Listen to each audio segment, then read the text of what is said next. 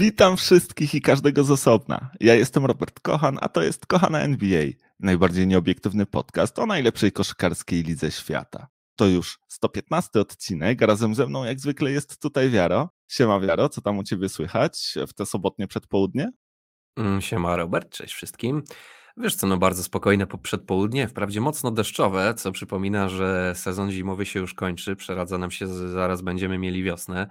A to znowu przypomina o tym, że y, podobnie jest z sezonem zasadniczym w NBA. Powolutku zmierzamy do końcóweczki i można by chyba powoli, nawet może nie, nie tak powoli, ale, ale całkiem poważnie zacząć się zastanawiać, jak to zaraz będzie wyglądało wszystko w playoffach.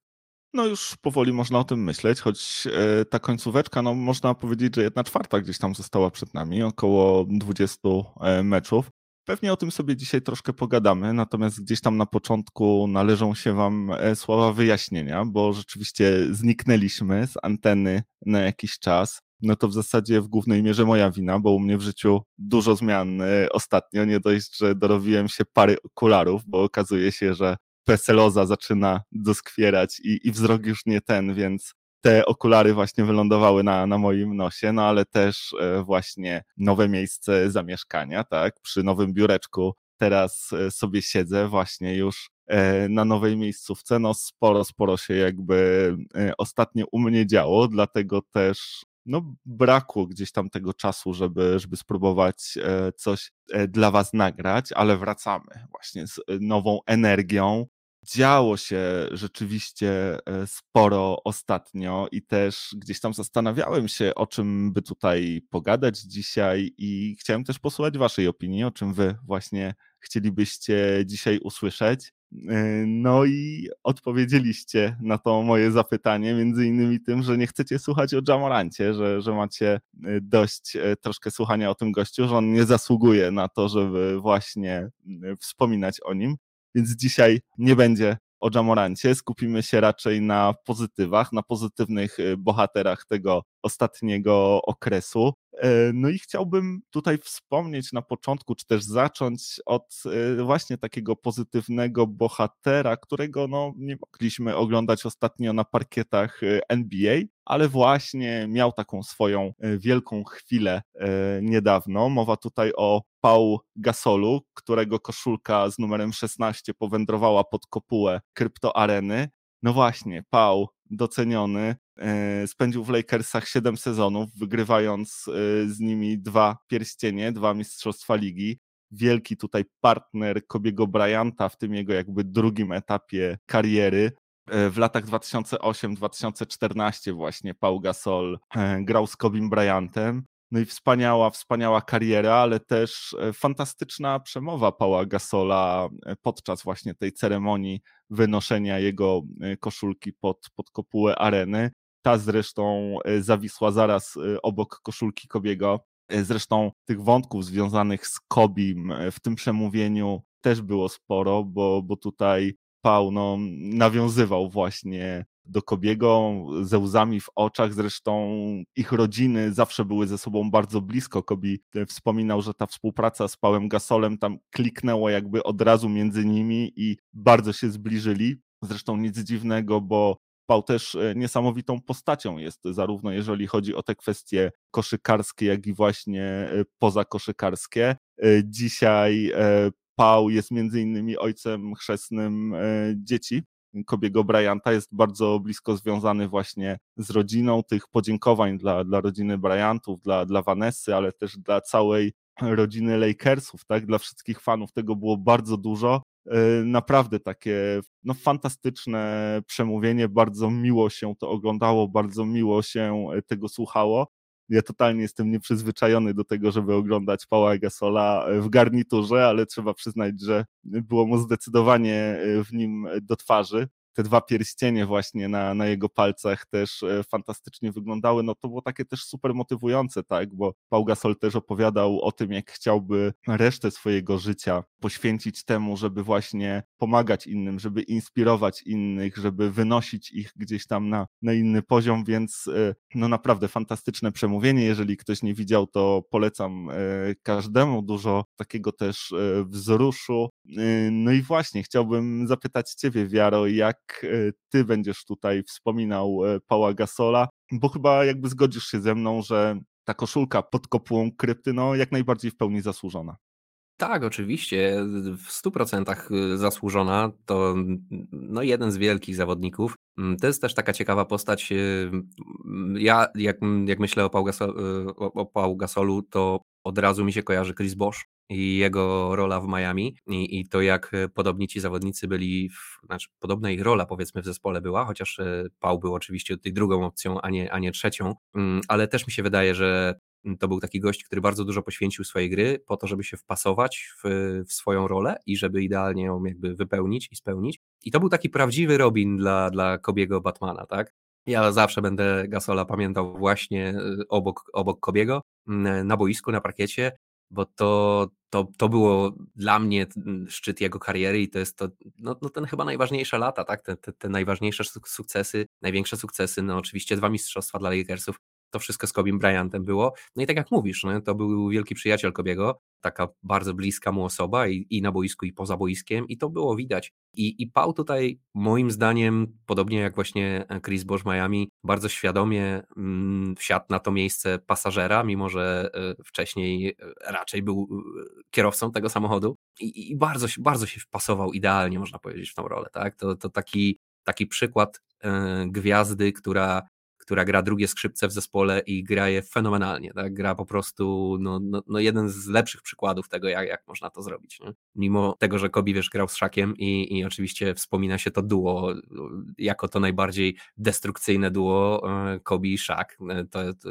pierwsze, co ci przychodzi do głowy, kiedy myślisz o Kobim i o tym, z kim Kobi grał, oczywiście. Mm, ale no to też wiesz, no, inny zawodnik. No, Szak był takim dominatorem, tak, tak ogromną gwiazdą. Szak absolutnie nigdy nie czuł się tutaj, wiesz, że on siedział na jakimś fotelu pasażera pasażera czy coś w ten deseń, to, były, to było dwóch kierowców, którzy siedzieli razem na fotelu kierowcy i próbowali jakoś prowadzić mm, tę drużynę i, i to z sukcesami, mimo tego, że, że no tak średnio tak naprawdę się dogadywali, średnio to wszystko pasowało do siebie, no, no, nie było to takie, takie wszystko um, wiesz, bez, bez tarć jak w przypadku Kobiego i Gasola. Nie? To naprawdę fantastyczne połączenie koszykarskie i nie tylko, jak, jak już wspomnieliśmy kilkukrotnie, ale przede wszystkim koszykarskie, nie? że oni się tak fantastycznie uzupełniali na boisku. Gasol był takim no, no idealnym naprawdę Robinem dla, dla, dla Kobiego Batmana. Nie? E, ja myślę, że Gasol też miałby dużo lepsze numery i, i, dużo, dużo taką powiedzmy indywidualną karierę, nawet nie wiem, czy to można tak, tak określić, ale no, no bardziej obfitą by miał pewnie tą, tą indywidualną karierę, gdyby nie przyszło mu grać z Kobim, gdyby nie musiał mm, tego, tego właśnie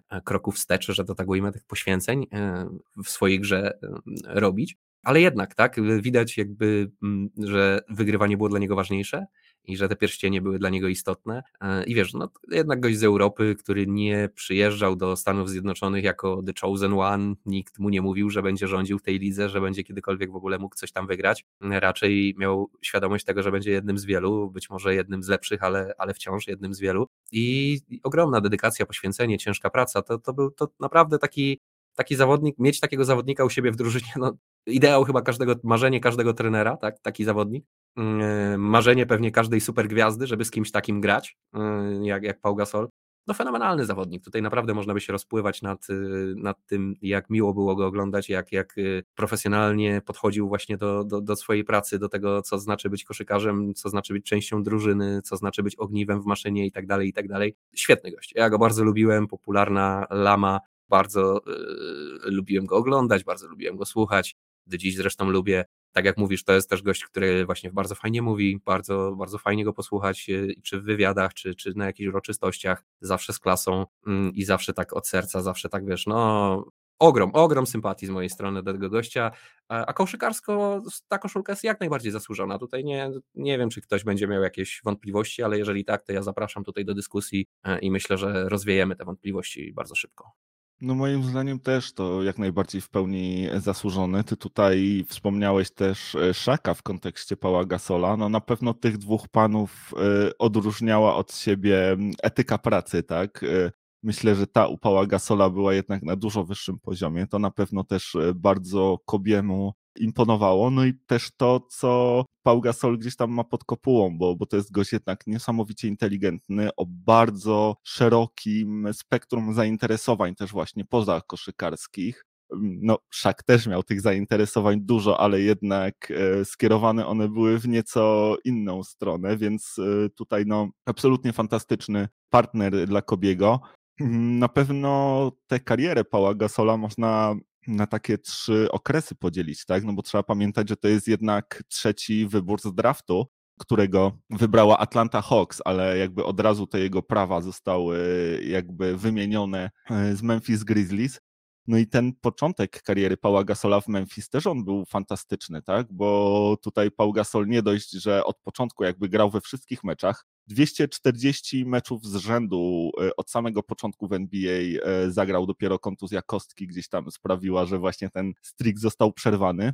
Natomiast właśnie już ten początek kariery to jest przecież tytuł Rookie of the Year właśnie w Memphis Grizzlies, mm, ale też trzeba pamiętać, że to jest gość, który dla tej wtedy jeszcze młodej e, organizacji no, ustanowił bardzo wiele rekordów, tak? On tam dzierżył rekordy punktów, zbiórek bodajże i double doubles, y, właśnie minut i czy też, czy też meczów konsekwentnie granych. Tych rekordów y, z Memphis Grizzlies y, było bardzo sporo, no ale właśnie potem został wymieniony do Los Angeles Lakers. Zresztą tej wymianie też towarzyszyło sporo kontrowersji, bo tam Memphis Grizzlies się bardzo dziwnie zachowywali. No ostatecznie właśnie Pau trafił do Lakersów po to, żeby żeby pomóc Kobiemu i świetnie się z tego zadania wywiązał. E, tak naprawdę dopóki Phil Jackson był trenerem Los Angeles Lakers, no to Paul przeżywał tam e, swoje najlepsze lata. To się potem zmieniło, kiedy tę drużynę przejął Mike D'Antoni, bo, bo on e, w swojej ofensywie mm, no nie widział już tak ważnej roli dla Paula Gasola. Tam nie było dużo miejsca na grę tyłą, tyłem do kosza,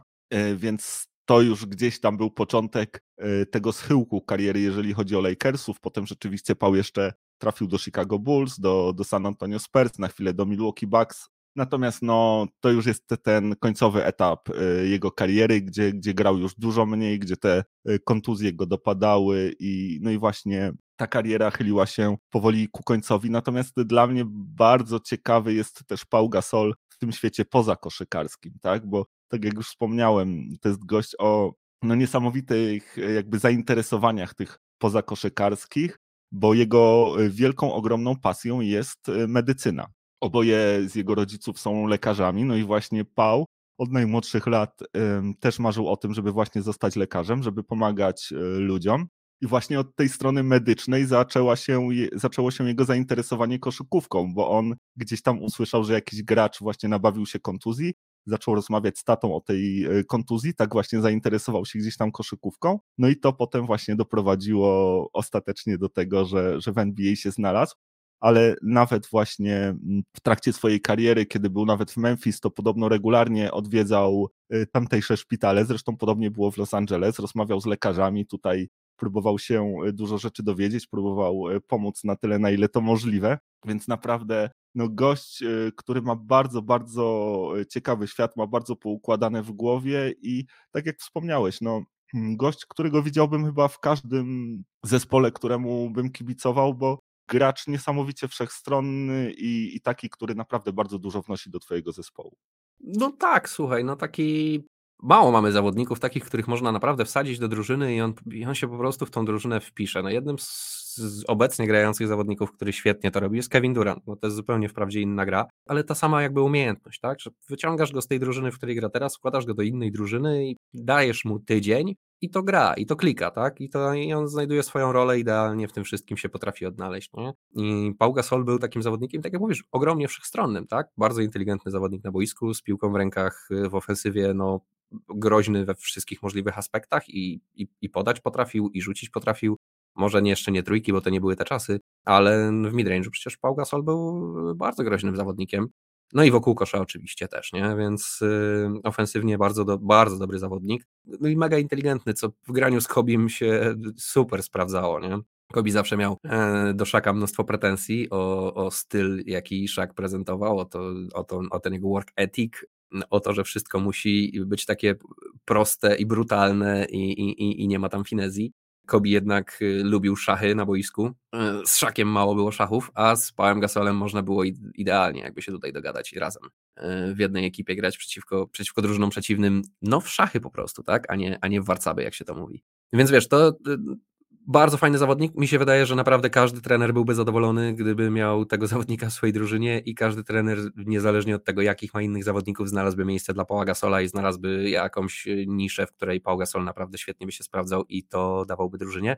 Pewnie sam Paul Gasol też nawet by mm, był skłonny na te poświęcenia, gdyby to wszystko miało ręce i nogi i sens koszykarski.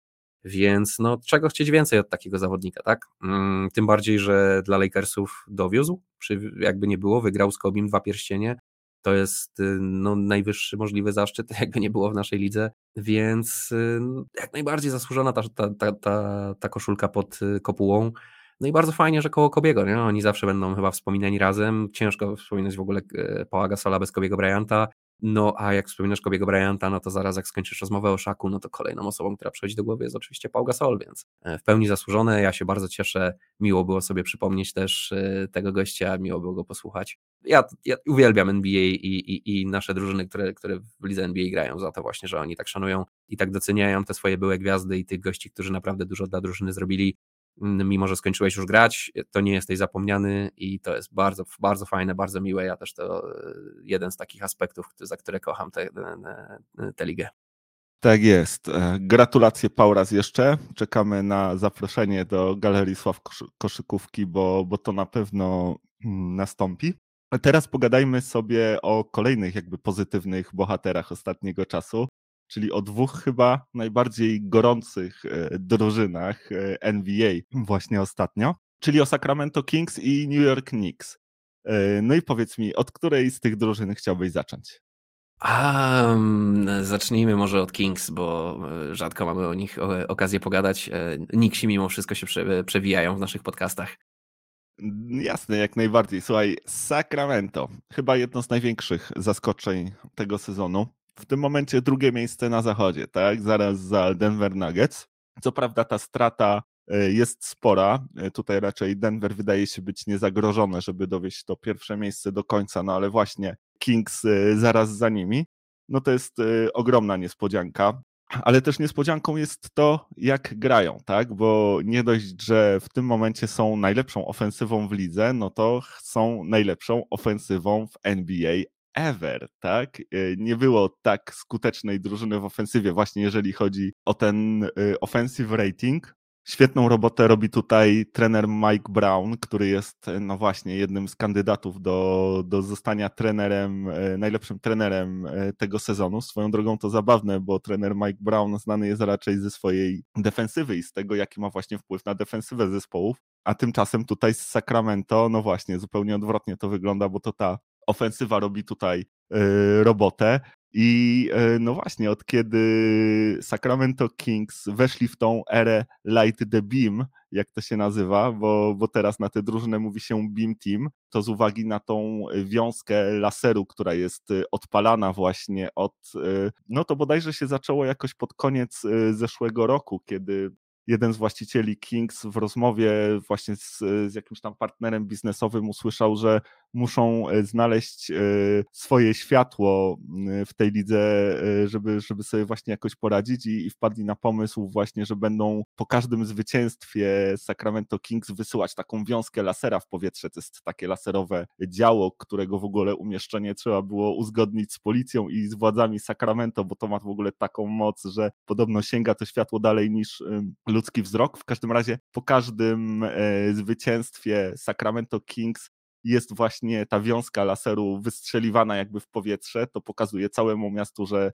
Sacramento wygrało i stało się to też takim e, światełkiem nadziei właśnie dla tego miasta, które no już 16 lat e, czeka na to, żeby drużyna Kings e, wróciła do playoffów i, i stało się to też takim memem właśnie między innymi przyczyniając się do nowego przezwiska czy też nickname'u tej drużyny właśnie jako Beam Team, Natomiast e, no wracając gdzieś tam właśnie do tych e, kwestii koszykarskich, tak jak wspomniałem, fantastyczna ofensywa, historyczna, ale też e, świetna gra zawodników, tak? Bo i fantastycznie gra tutaj Fox, i świetnie gra Sabonis.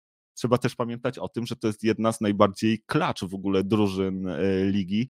Oni grali ogromną ilość dogrywek i, i w tych dogrywkach też sobie świetnie radzili. Jeśli się nie mylę, to chyba nie przegrali żadnego z dotychczasowych y, meczów w dogrywce. Zresztą boleśnie przekonali się o tym ostatnio Los Angeles Clippers w tym takim słynnym meczu, drugim pod względem ilości punktów meczu w całej historii NBA, kiedy właśnie po, po dwóch dogrywkach e, Sacramento Kings pokonali nas 176 do 175. Zresztą no, Clippers spokojnie mogli trzy razy ten mecz wygrać, ale no właśnie, Sacramento pokazali, jaką są groźną drużyną e, w końcówkach, jak potrafią świetnie te końcówki e, rozgrywać i, i wygrywać e, właśnie na, na, na swoją korzyść. I jakby po raz kolejny to udowodnili, tak? I właśnie zastanawiam się, czy, czy tę drużynę można e, brać e, na poważnie. I powiedz mi, co ty w ogóle myślisz e, o tych Kings, jak ty na nich patrzysz, bo ja jak właśnie widzę tę drużynę w tym sezonie, no to mój hype tutaj jest jakby ogromny i, i bardzo podoba mi się to, co robi Sacramento i mocno, mocno im kibicuję w tym sezonie. No słuchaj, ja nie pamiętam takiego Sacramento od czasów Chrisa Webera i, i White Chocolate, więc... Yy mnie się to bardzo, bardzo podoba. Ja lubię tę drużynę, lubię jak Kings grają właśnie w taki sposób y, i oni mi się w ten sposób kojarzą. Mnie się te, te drużyny z lat 90. Sacramento właśnie tak kojarzą z taką szaloną ofensywą i, i zero defensywy. Nie? I, no i słuchaj, no i to największy problem oczywiście tej drużyny i, i, pytanie, czy można ich brać na serio, to jest pytanie o obronę, które, która jest no, delikatnie rzecz ujmując słaba. Natomiast zanim mm, zacznę się trochę znęcać nad, te, nad tą drużyną i psuć ci ten y, cudowny hype, to pohypuję się trochę z tobą, bo ta ofensywa jest naprawdę fantastyczna. To, co Mike Brown zrobił, słuchaj, ja nie, nie wiem, czy ty zwróciłeś na to uwagę, jak oni fantastycznie grają, ale oni grają coś takiego, co jest połączeniem ofensywy Golden State i tego, co robi Denver. Tylko, że oni to robią w jednej akcji. Denver gra przez Jokicia, wszystko leci przez Jokicia, nie? Jokiś zaczyna akcję, Jokic jest inicjatorem, Jokic generalnie rozgrywa y, piłkę w tej drużynie. W Sacramento jest Sabonis, który jest takim trochę baby Jokiciem, nie? w sensie on też fantastycznie potrafi rozgrywać piłkę. I przez niego też można grać w taki sposób jak przez Jokicia. Natomiast Sacramento tego nie robi. Sacramento nie gra przez Sabonisa stricte. Sabonis nie jest primary tutaj rozgrywającym tej drużyny, tylko to się dzieje na zasadzie motion offense, które, które gra Golden State. Tak? Gra Fox, gra Huerter. Generalnie polega to w dużej mierze na tym, żeby na obwodzie przemieszać, kilka zasłon postawić, e, pobiegać sobie dookoła, jeżeli chodzi o shooterów, poszukać otwartej trójki i jakiegoś fajnego, łatwego rzutu. Jeżeli to się nie udaje, to piłka ląduje w rękach Sabonisa, zazwyczaj po właśnie jakimś screenie, albo jest po prostu y, handoff, albo jest jakieś tam y, podanie na Sabonisa odwróconego plecami i Sabonis rozgrywa do, do wchodzących pod kosz katerów albo do tych shooterów, którzy stoją mm, gdzieś na polu za trójką. Nie? No słuchaj, świetne to jest. No naprawdę, to, to, jest tak fantastycznie wymyślone. Masz tyle opcji do rozegrania e, akcji, że no nie jesteś w stanie tego w żaden sposób zatrzymać i to widać, nie? Najlepsza ofensywa w historii ligi. Nikt nie jest w stanie tego zatrzymać. Wygląda to fantastycznie, ogląda się to świetnie i naprawdę no, no, innowacja, jaką tutaj Mike Brown wprowadził do tego wszystkiego, jak ładnie połączył dzisiejsze, jedne z lepszych ofensyw ostatnich paru lat i, i jak dostosował to do jakby zawodników, których ma w swojej drużynie, jak to wszystko ładnie poukładał, majstersztyk. Ja myślę, że tutaj Mike Brown jest y, dla mnie osobiście kandydatem do wygrania Coach of the Year mm, głównym, bo naprawdę taka rewolucja, którą on przeprowadził tutaj w tym, w tym Sacramento, super się to ogląda. I to jest jeden z tych przykładów dla mnie, gdzie e, autentycznie trener odmienia drużynę. Nie? Wchodzi nowy trener i, i, i ten jego nowy pomysł na nagranie się po prostu sprawdza, poukładał te klocki tak, że one świetnie do siebie pasują. E, no i, no i słuchaj, no, no Kings w tym sezonie. Nie? Natomiast to nie jest koszykówka, która się w playoffach sprawdzi. Tak się niestety obawiam. Może to będzie akurat ta drużyna, która, która udowodni, że można Mm, po prostu rzucać więcej niż twój przeciwnik. Oni są książkowym przykładem tego podejścia. E, tyle meczy, które oni wygrali jednym punktem, bo rzucili ten jeden punkt więcej od ciebie, e, to jest naprawdę fantastyczne. Tutaj też wspomniałeś o tym, jak to jest klacz drużyna.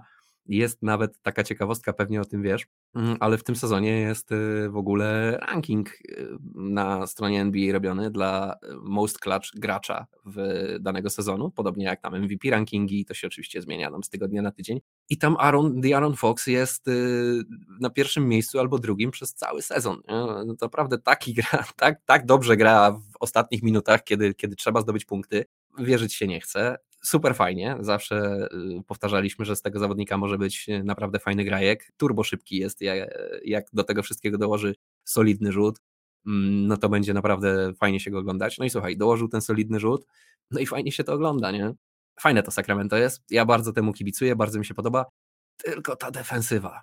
I co tu zrobić, kiedy będzie trzeba naprawdę kogoś zatrzymać? I nie pomoże już ten, ten twój cudowny ofens, nie pomoże to, że ty zdobyłeś 100, 115, 120 punktów, bo w playoffach już wiesz, nie ma takiego szybkiego grania, już nie jest tak łatwo o te punkty, trzeba zagrać więcej niż jeden mecz z tą samą drużyną, te drużyny jakby nie było się uczą tego, jak ty grasz, yy, znajdują te sposoby, żeby cię zatrzymać gdzieś tam, a obawiam się, że Sacramento nie ma nawet jakby chciało to nie ma czym bronić, tak? Nie ma tutaj jakby za dużo narzędzi w tym, w tym toolboxie, który ma do dyspozycji Mike Brown, jeżeli chodzi o defensywę swojego zespołu. Nie ma jakichś wielkich e, obrońców, może, może poza off, e, off-nightem. Mm, Davion Mitchell to od razu się rzuca w oczy, powiedzmy, no ale oprócz niego, no to ciężko szukać tutaj takich naprawdę, naprawdę solidnych obrońców. E, może jeszcze Keegan Murray, tak czy inaczej, to nie jest drużyna stworzona do obrony, to nie jest drużyna stworzona, która ma tutaj personel do tego, żeby zatrzymywać e, najlepsze ofensywy mm, ligi w tym momencie. Na zachodzie jakby nie było, trzeba się będzie przedrzeć przez Phoenix i przez e, Denver. Mm, no i obawiam się, że, że to są schody nie do przejścia dla, dla Kings, ale biorąc pod uwagę, że jakie są oczekiwania tej drużyny, gdzie ta drużyna była przez ostatnie lata, to myślę, że tutaj śmiało można liczyć na to, że w pierwszej rundzie powalczą i mają szansę tą pierwszą rundę przejść i myślę, że jakbym był kibicem e, Sacramento, to bym się tutaj napalał na, na, na te playoffy i na to, co może się zadziać w tych playoffach. A słuchaj, no nikt przecież nie obstawiał Kings, że będą się bili o, o choćby o finały konferencji. A jeżeli im się za, uda zajść do drugiej rundy i bić się o te finały konferencji, myślę, że wszyscy i kibice, i drużyna, i, i GM-owie, i trenerzy, wszyscy będą zadowoleni, że, że to jest dobry sezon, który się fajnie udał. Nie? Także pomijając defensywę i to, że to nie jest koszykówka, która się historycznie rzecz ujmując sprawdza w playoffach, no to, to ja nie mam więcej tutaj jakby zastrzeżeń do całego tego hypu. Ja tutaj też e, w tym, w tym hype trainie uczestniczę, siedzę sobie wygodnie w moim przedziale, e, mam koszulkę e, z napisem Let's Go Kings i, i dzwoneczek od krowy oczywiście, bo musi być, nie? Także myślę, że to będzie bardzo udany sezon dla tej drużyny. No, Let's Go Kings powinieneś zmienić na Light the Beam, bo, bo to jest właśnie to, to motto e, w Kiedyś tym sezonie. Było ale... beat, beat LA.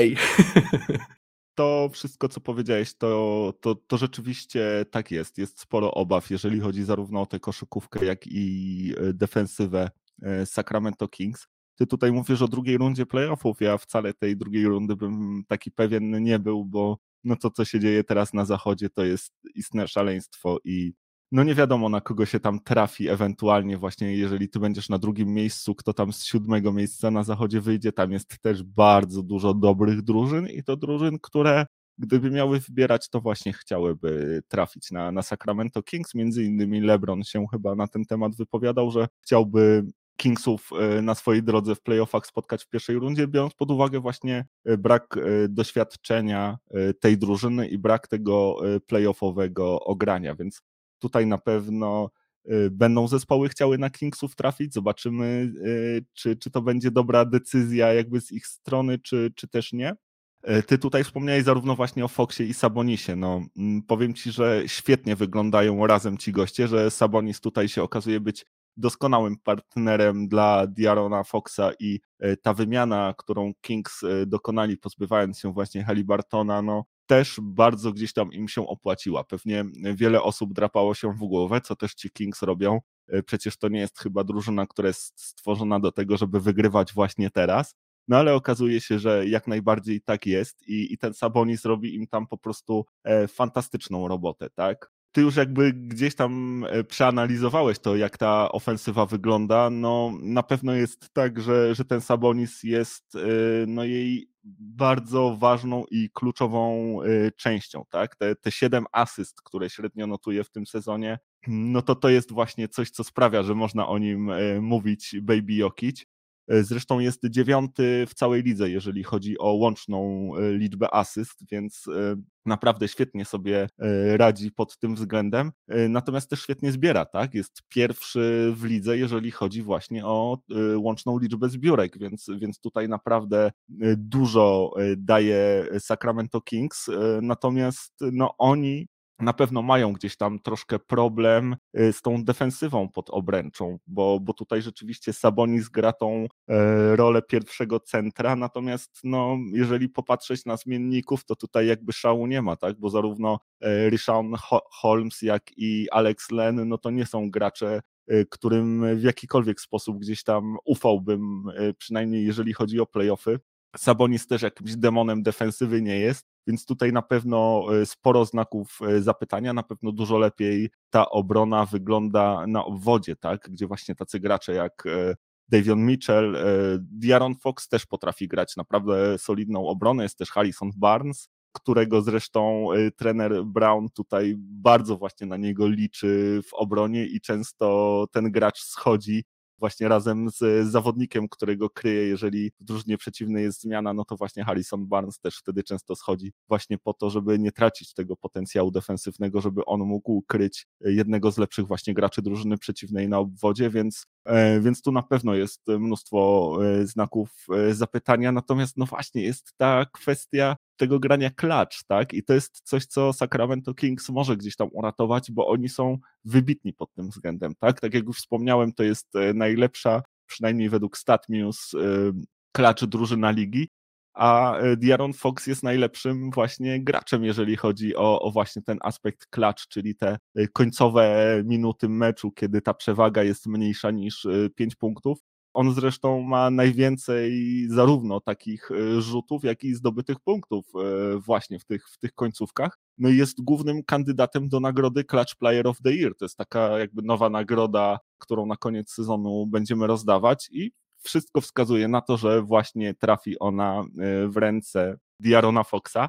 Więc zobaczymy, jak to się wszystko skończy, bo ten zachód jest super dziki, tak? Tutaj ciężko przewidzieć, jak to będzie wyglądało i nawet Denver, który jest jakby pierwszą drużyną na zachodzie, ma ogromną przewagę i wydaje się, że jest jakby głównym kandydatem y, do wygrania tego zachodu, nie może spać spokojnie i musi się gdzieś tam oglądać nawet na te drużyny, które będą rywalizowały w play-inach, bo tam może trafić na naprawdę solidną drużynę, więc wróżenie y, związane z playoffami na zachodzie jest troszkę wróżeniem z fusów i no to będzie coś, coś, na co ja już sobie teraz ostrzeżę zęby i co z wielką ciekawością y, będę chciał zobaczyć. Natomiast, no właśnie, nie byłbym wcale taki pewien, że Sacramento Kings uda się nawet przejść y, tę pierwszą rundę playoff. Natomiast nawet jeżeli miałoby się to nie udać, to i tak wydaje mi się, że to będzie sezon, z którego fani Kings mogą być dumni, hmm, bo prawdopodobnie skończy się w ogóle tak, że, że Kings wygrają swoją dywizję która wcale nie jest e, łatwą dywizją, bo, bo tam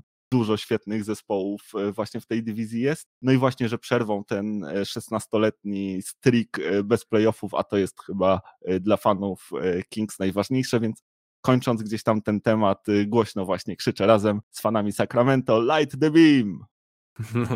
No tak, słuchaj, no mm, trzeba się cieszyć, bo historycznie jak ktoś oglądał koszykówkę w latach 90., no to Sacramento było drużyną, którą naprawdę chyba każdy wspomina. E, większość z nas pewnie ciepło. Mm, także jak najbardziej trzeba się z tego wszystkiego cieszyć. A dywizja, którą tutaj wspomniałeś, faktycznie ciężka, bo tam chyba Lakers, Clippers i e, Golden State, tak? O ile dobrze, dobrze pamiętam. I jeszcze Suns. A jeszcze Phoenix, no tak. Także naprawdę y, dywizja no, pierwszorzędna. Ale dobra, słuchaj, zostawmy Sacramento, przejdźmy do naszych drugich bohaterów, przenieśmy się na wschód do Wielkiego Jabłka, czyli do Nowego Jorku, bo tam New York Knicks, y, piąte miejsce na wschodzie i też właśnie jedna z najbardziej takich gorących y, drużyn ostatniego czasu. Oni od czasu właśnie All-Starów, czy, czy też od początku tego roku, no radzą sobie naprawdę świetnie. Co dziwne, ta drużyna prowadzona przez Toma Thibodeau nie jest dominująca, jeżeli chodzi o defensywę, bo tutaj e, jakby New York Knicks są dopiero w środku stawki. Natomiast e, całkiem nieźle radzą sobie ofensywnie, są piątą e, ofensywą ligi, ale to jest w ogóle też bardzo specyficzna piąta ofensywa ligi, bo gdybyś spojrzał na statystyki rzutowe, to oni są w samej końcówce, tak? Oni słabo rzucają za trzy, oni słabo rzucają za dwa, to zupełnie jakby nie koresponduje z tym, jak wysoko ta, ta ofensywa jest. Natomiast właśnie, dlaczego e, tak jest? Dlatego, że e, New York Knicks gdzieś tam e, nabierają tej swojej mentalności, którą Tom Thibodeau im zaszczepił, a która też mi bardzo imponuje. Przede wszystkim właśnie to, że są niesamowicie waleczną drużyną. To widać po prostu w każdej akcji, tak? To, jak oni walczą o każdy centymetr parkietu, jak właśnie walczą o te ofensywne zbiórki. No, są jedną z najlepiej zbierających ofensywnie y, drużyn w tym sezonie. początek sezonu może nie był dla Knicks taki fantastyczny, natomiast to, co się dzieje w tym roku, no to to jest coś niesamowitego. E, w miesiącu lutym New York Knicks wygrali 82% swoich spotkań. E, w marcu troszkę to spadło, właśnie między innymi e, ten ostatni pojedynek z Sacramento Kings, gdzie te właśnie dwie najbardziej gorące drużyny zmierzyły się ze sobą, tam Kings to właśnie wygrali, przez co w tym momencie Knicksi mają losing streak 2, no ale właśnie mimo tego w marcu udało im się wygrać 60% spotkań, ale to nie są takie proste wygrane, to są po prostu takie wywalczone, wyrwane po prostu e, z gardła e, wygrane i Tom Thibodeau, co do którego właśnie było wiele zapytań przed tym sezonem, czy on zachowa swoją posadę, czy to, co zobaczyliśmy w tamtym sezonie w wykonaniu Knicks nie sprawi, że właśnie Tom Thibodeau wyleci na zbity pysk. No, okazuje się, że nie, że wraca w wielkim stylu, że właśnie po raz kolejny udało mu się e, natchnąć tą swoją drużynę. No i właśnie, ta mentalność, tak, ta walka, to, że Knicks po prostu zbierają jak szaleni, tak, są jedną z najlepiej w ogóle zbierających e, drużyn e, w całej lidze. I ta walka, która niesamowicie mi się podoba, no to też sprawia właśnie, że, że troszkę tego hypu e, na New York Knicks też złapałem i powiem Ci, że z przyjemnością ogląda mi się Knicksów w tym sezonie, no i jestem ogromnie ciekaw, co Ty o tych Knicksach myślisz i jak patrzysz też na ich przyszłość właśnie w kontekście playoffów, czy, czy też końcówki tego sezonu. To ja ci tutaj e, na, na, na, ten twój gorący hype wyleję wiadro zimnej wody, e, bo ja mam wrażenie, że to już powolutku robi się coroczna tradycja i będzie trzeba to chyba zaraz wpisać do kalendarza, że jest e, taki moment, taki tydzień, czy dwa, trzy, trzy tygodnie w roku, kiedy Nixi są hot i wszyscy się zastanawiają nad tym, czy to jest ten rok, kiedy Nixi w końcu coś zawojują, zawojują w playoffach. Mimo, że mają taką drużynę, której na początku sezonu nie dawaliśmy szans na nic, a jedyne, jedyne ich sukcesy opierają się na tym, że y, Tom Thibodeau wyciska siódme poty ze swoich zawodników i, i, i sprawia, że grają ponad swoje możliwości. Słuchaj, ja już to widziałem tyle razy, tyle razy rozmawialiśmy o Knicksach, Tyle razy już mi sprzedawałeś ten ich hype i dokładnie to na tym samym polega. Ile tego już, słuchaj, było, że o, zobacz, teraz już zmiana kultury, o, zobacz, teraz już jest y, zmiana tutaj we front office, potem, nie wiem, może trener, to, tamto.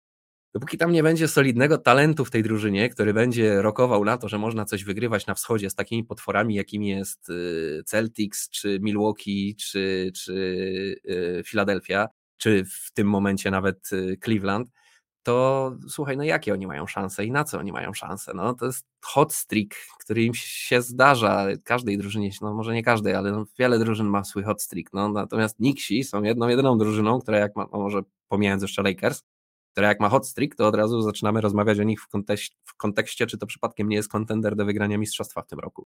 No nie, no nie, słuchaj, no z czym? Z, z, z Juliusem Randlem i, i, i Bronsonem, tak, i RJ Barrettem, co oni chcą ugrać, kogo oni chcą ograć, to ja rozumiem, no fajnie, wygrali kilka imponujących meczy, walczą jak szaleni i biegają po parkiecie y, i do każdej piłki e, są pierwsi, no, ale to jeszcze trzeba umieć rzucać, jeszcze trzeba umieć zdobywać punkty, jeszcze trzeba umieć bronić, jeszcze trzeba umieć wiele innych rzeczy w koszykówce, żeby być dobrą drużyną. To jest oczywiście, wiesz dobrze, że ja nie lubię być bardzo w tej pozycji, w, w, której teraz jestem, bo ja uwielbiam zawodników, którzy gonią jak szaleni i walczą jak szaleni i, i, i dają z siebie 100%.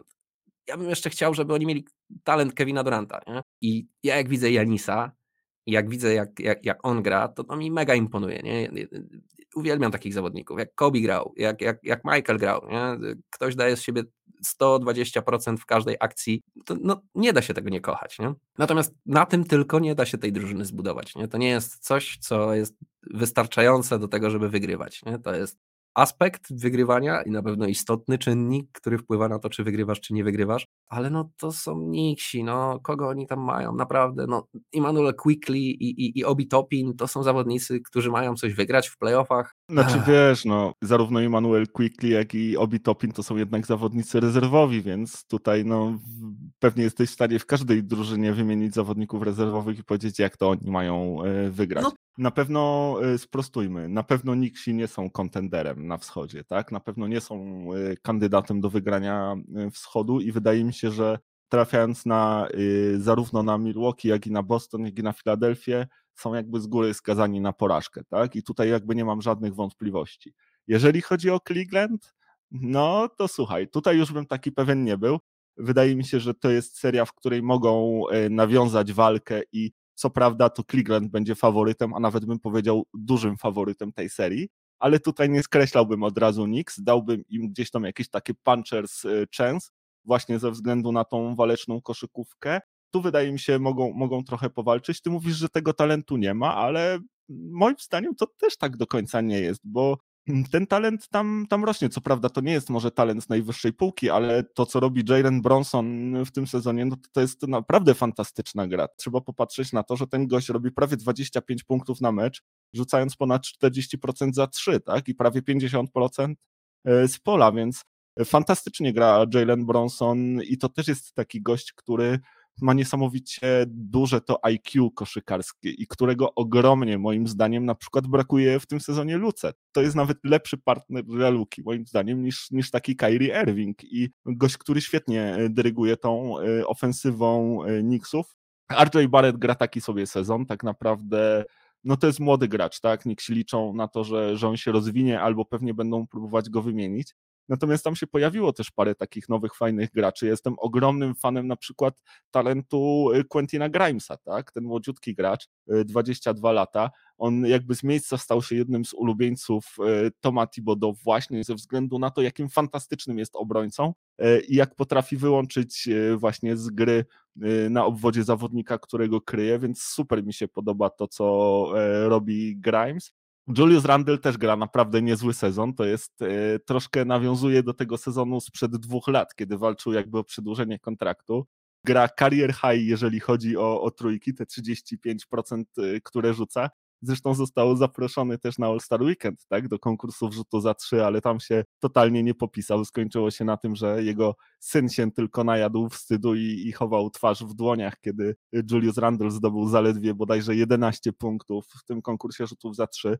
Natomiast e, jeżeli chodzi o te mecze NBA, to, to rzeczywiście bardzo fajnie się pokazuje Julius Randle w tym sezonie i potrafi też ważne punkty zdobywać e, nawet w końcówkach, więc to naprawdę fajnie wygląda. No a, a zwłaszcza e, teraz, ostatnio, w tym, w tym nowym roku, kiedy do drużyny dołączył Josh Hart, który po prostu bardzo, bardzo, bardzo dużo tej drużynie daje. On jest w każdym miejscu boiska, walczy o każdą piłkę potrafi naprawdę fajnie, wiesz, podać. E, no jest takim ultimate role playerem, który e, niesamowicie e, podnosi też jakby posadzkę tej drużyny wyżej, tak? Daje jej, daje jej naprawdę bardzo dużo i powiem ci, że z ogromną przyjemnością ogląda mi się Knicksów i wcale nie skreślałbym ich w tym pierwszorundowym pojedynku przeciwko Cleveland Cavaliers. I nawet powiem ci, że zastanawiam się, czy czasem e, New York Knicks nie mają większych szans na przejście tej pierwszej rundy niż Sacramento Kings?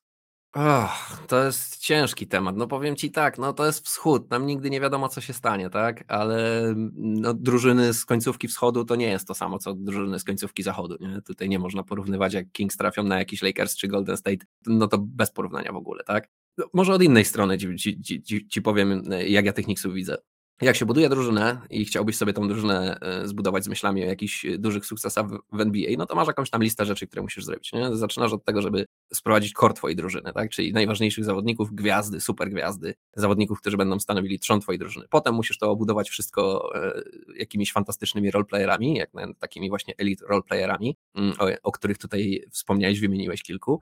E, potem oczywiście świetny coach do tego by y, się przydał, dobra atmosfera, kultura, defensywa, mentalność, walka i te wszystkie inne rzeczy. Ja mam wrażenie, że ty uwielbiasz te drużyny, które pomijają punkt pierwszy całej tej listy i zaczynają od punktu drugiego i robią to wszystko na A+.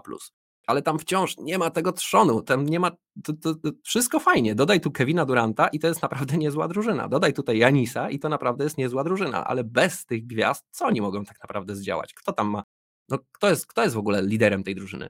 Pełna zgoda.